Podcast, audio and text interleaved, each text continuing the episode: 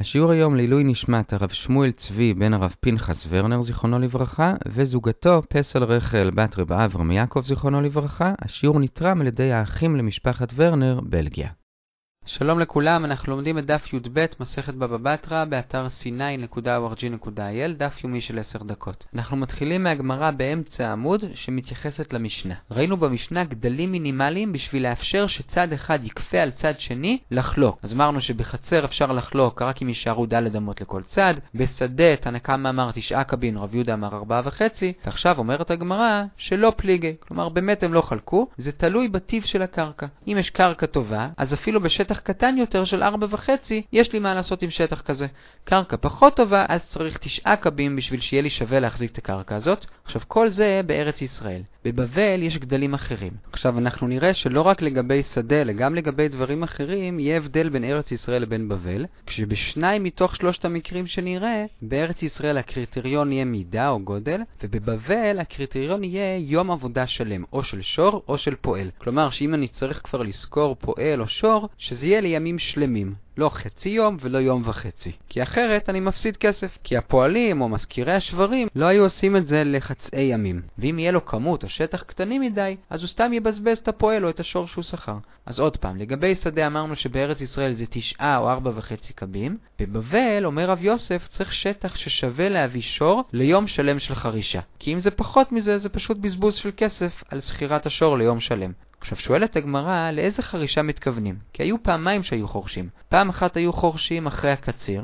ואז לא הרבה זמן אחרי זה היו חורשים עוד פעם לפני הזריעה. אז החריש שעשו לפני הזריעה היה הרבה יותר מהר, בגלל שלא מזמן כבר חרשו, לכן שואלת הגמרא האם הוא מתכוון לחריש אחרי הקציר או לחריש שלפני הזריעה. עכשיו מה הבעיה? אם נאמר למשל שהוא מתכוון לחריש שאחרי הקציר, שצריך שדה ששם זה לוקח יום, אז יוצא שבחריש שלפני הזריעה זה ייקח לו פחות מיום. כי הרי אז יותר מהר, ואז יוצא שהוא מבזבז כסף כי הוא שכר שור ליום שלם. ואם נאמר שהכוונה היא לחריש שלפני הזריעה, שזה ייקח לו יום, אז יוצא שבחריש שאחרי הקציר, שזה יותר קשה, זה ייקח לו יותר מיום, אבל עדיין לא יומיים, אז עוד פעם הוא מבזבז כסף. אז לא מובן למה התכוון רב יוסף, בכל מקרה יוצא שהוא מבזבז כסף על השור. אז לגמרא יש שני תירוצים, נלך לפי רבנו תם בתוספות. תירוץ אחד, הכוונה היא ליום חרישה שלפני הזריעה, ואז בחריש שאחרי הקציר לוקח קצת יותר מיום, אבל הוא יכול להספיק פעמיים לחוש ביומיים, ולכן זה לא בזבוז, כי הם היו באמת חורשים פעמיים. אפשרות שנייה, מדובר על יום חרישה שאחרי הקציר, ואז בחריש שלפני הזריעה אז באמת הרבה יותר מהר, והם היו חורשים פעם אחת, ובחזרה מהחריש הם כבר היו זורעים. ואת כל זה הספיקו ביום, לכן גם אז זה לא בזבוז של עבודה.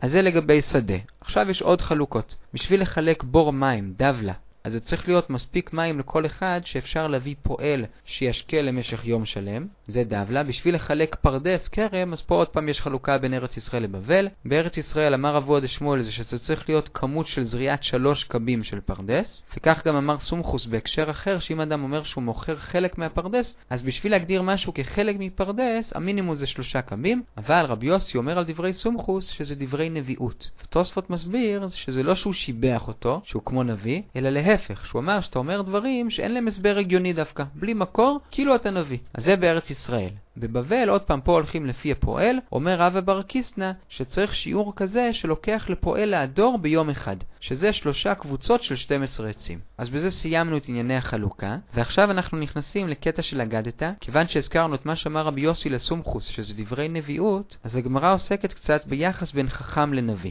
אנחנו 12 שורות לפני סוף עמוד א', אבל אני אדלג 4 שורות בשביל שקודם כל נראה את המאמר, אומר המאמר חכם עדיף מנביא. והוא מביא לזה ראיה מפסוק, ועכשיו נראה את רבי אבדימי מן חיפה. רבי אבדימי מן חיפה אומר שמיום שחרב בית המקדש, אז הנבואה ניטלה מהנביאים, אבל נשארה אצל החכמים. אז יכול להיות שהוא חולק על המימר, כי לפי המימר, נביא זה נביא, חכם זה חכם, וחכם עדיף מנביא. אבל רבי אבדימי אומר שחכם הוא גם נביא וגם חכם, וגם אחרי החורבן הוא עדיין נשאר נביא. ועכשיו, חמש שורות לפני סוף העמוד, הגמרא מביאה לזה הוכחה מהמציאות. אנחנו רואים שלפעמים חכמים אומרים משהו, והם מכוונים למשהו שגדול הרבה יותר מהם אמר לפניהם. ואיך יכול להיות שמכוונים בדיוק לאותו דבר? אלא כנראה שזה נבואה. עכשיו, לאיזה גדול הם מכוונים? אז פה יש כמה דעות. אביי בהתחלה אומר, הם פשוט מכוונים למישהו גדול לפניהם. אבל רבא דוחה את זה ואומר, אולי שניהם אותו מזל, לכן שניהם אמרו אותו דבר. זה לא ראייה שזה נבואה. לכן רבא אומר שהם לא סתם מכוונים לגדול, אלא לגדול כמו רבי עקיבא, שזה לא יכול להיות שיש להם אותו מזל.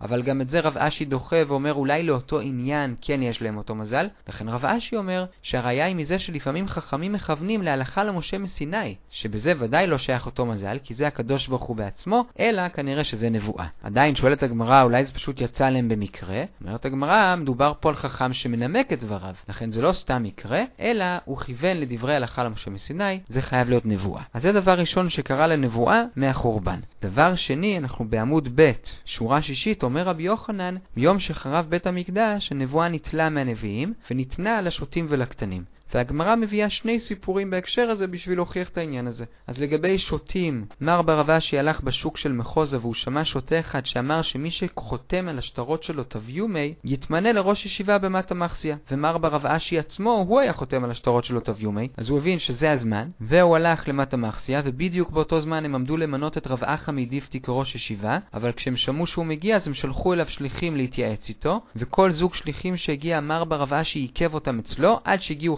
זוגות, והיה מניין, ואז הוא פשוט התחיל לדרוש להם, ובזה הוא בעצם השתלט על ראשות הישיבה. ורב אחא מדיפתי הגיב על זה ואמר, כל המריעין לו לא במהרה מטיבים לו, כלומר אני שהרעו לי וחטפו לי בעצם את ראשות הישיבה, כנראה שלא במהרה זה יתחלף, ולהפך, כל המטיבים לו, לא במהרה מרעין לו, כלומר מר ברב אשי כנראה יישאר ראש הישיבה לעוד הרבה זמן, אז זה לגבי נבואה של שוטים. לגבי תינוקות, הבת של רב חיסדא ישבה בחיקו, ועמדו שם לפניו רבא ורמי בר חמא, והוא שאל אותה אם היא רוצה להתחתן. והיא הייתה ילדה קטנה, והיא אמרה שניהם, ובמקום להתייחס לדברים שלה כאל שטות של תינוקות, רבא הבין שזה רציני, ורבא אמר אני שני, ובאמת ככה היה. היא התחתנה עם רמי בר חמא, ואחר כך עם רבא. וכיוון שכבר הזכרנו את רבי אבדימי מחיפה, מזכירים עוד מימרה שלו, הוא אומר שלפני שאדם אוכל יש לו שתי לבבות, כלומר הוא לא מיושב. אחרי שהוא אוכל הוא כבר מיושב, יש לו לב אחד. הוא לומד את זה מהפסוק, איש נבוב ילבב.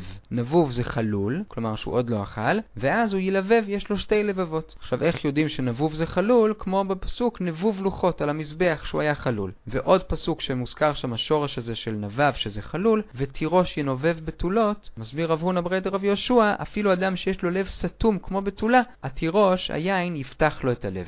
ועכשיו אנחנו בשליש התחתון של העמוד, אנחנו חוזרים לדיני חלוקה של שדה, כשהנושא כאן זה חלוקה של שדה שאחים ירשו יחד. לפני שנתחיל נזכיר שלמדנו בסוף בבא בתרא הדין של בר מצרא, שזה אומר שאם אני מוכר שדה, ויש שני אנשים שרוצים, אבל אחד מהם יש לו שדה ליד השדה של המכירה, אז יש דין של ועשית הישר והטוב, לתת את זה לו, כי ככה יהיה לו שדה אחת גדולה. אז עכשיו יש פה דין די דומה. אם יש שני אחים, אחד בכור ואחד לא בכור, אז הבכור מקבל שני שליש בשדה שהם ירשו מאבא שלהם, והלא בכור מקבל שליש, אז את שני השלישים של הבכור צריך לתת לו ביחד, בשביל שככה יהיה לו שדה אחת גדולה. ולא נחלק את זה שליש לבכור, שליש באמצע לקטן ועוד שליש לבכור, אלא ניתן לו את זה ביחד. עכשיו, מה קורה אם זה שהוא מקבל שני שליש, זה לא בגלל שהוא בכור, אלא בגלל שהוא יבם. כלומר, היו בהתחלה שלושה אחים, אחד נפטר בלי בנים, ואחד מהאחים ייבם את אשתו של הנפטר, אז הוא יורש במקום האח המת, אז הוא מקבל שני שליש, והאח השני שלא ייבם מקבל שליש, אז האם גם פה צריך לתת את שני השלישים של היבם צמודים זה לזה, אז פה יש מחלוקת. אביי אומר שכן, כי אפשר לקרוא את הפסוקים בתורה בדרשה שהתורה קוראת ליבם בכור, אביי אומר שלא. ומקרה דומה, אדם שקנה שדה עוד בחיי אביו, צמוד לחלקה של אביו. ואז האבא נפטר, אז הוא רוצה בחלוקה של השדה של אבא לקבל את החלק שליד השדה שממילא שלו, כמו בר מצרה. אז רבא אומר שמגיע לו, וכופין על מידת סדום, כלומר אין סיבה לאחים להגיד שלא, זה סתם מידת סדום אם אומרים שלא, ורב יוסף אומר לא נכון, אין לו זכות. הם יכולים לטעון שלפעמים החצי הזה מתברך יותר, יורד עליו יותר גשם, זה שקנית שם שדה לא נותן לך יותר זכויות. ואותו מקרה שאחד קנה שדה ליד השדה של אבא, רק שהפעם לא מדובר בשדה שמשקים אותה על ידי הגשם, אלא שדה שיש לידה נחל. ומדובר שיש פה שתי שדות, וליד שתיהם יש נחל. וזה שקנה רוצה את השדה שליד השדה שהוא כבר קנה. אז האם זכותו או לא? אז רבא עוד פעם אומר שכן, רב יוסף עוד פעם אומר שלא. שאר האחים יכולים לומר, לפעמים הנחל הזה מתייבש, הנחל השני יותר טוב, זכותנו לקבל גם שם, ולכן הם צריכים לחלק בהגרלה, וזה שקנית לא נותן לך זכויות. עכשיו, בשני המקרים האלה הגמרא באמת פוסקת להלכה כרב יוסף, שזה שהוא קנה לא נותן לו זכויות. אבל יש פה מקרה שלישי, שהפעם דווקא רב יוסף הוא אומר שכן מגיע לו. אנחנו ארבע שורות לפני הסוף, אם יש שתי שדות שהם שניהם על אותו נחל, פה אומר רב יוסף שאין שום סיבה לאחים לומר שהשדה הזאת אולי תהיה יותר טובה מהשדה האחרת, כי זה אותו נחל וזה לא מסתמך על מי גשמים, לכן זה סתם מידת סדום, וכן מגיע לאח שקנה ליד השדה, אבל אביי אומר שאפילו זה לא נכון, כי האח השני יכול לומר, אני רוצה שדה דווקא באמצע. כלומר שאתה תהיה לי מצד אחד ומהצד השני, וככה אני מוקף באריסים מוכרים, וזה מגן לי על השדה. אבל בזה הגמרא עוד פעם פוסקת כרב יוסף להלכה, שדווקא הפעם האח שקנה את השדה כן צודק. ומקרה אחרון, שכבר לא קשור למקרה שאח אחד קנה שדה, אלא פשוט אמירה. איך מחלקים שדה מרובעת בין שני אחים, שבצד הצפוני יש לה נהר, ובצד המערבי יש לה נחל קטן, וכל אחד רוצה להיות גם ליד הנהר וגם ליד הנחל. אז מה עושים? מחלקים את השדה לשמונה משולשים, כמו פיצה, ונותנים להם לסירוגין. ואז יוצא שלכל אח יש שמינית שדה ליד הנהר, ושמינית שדה ליד הנחל. והגענו לשורה השנייה בי"ג עמוד א', כל טוב.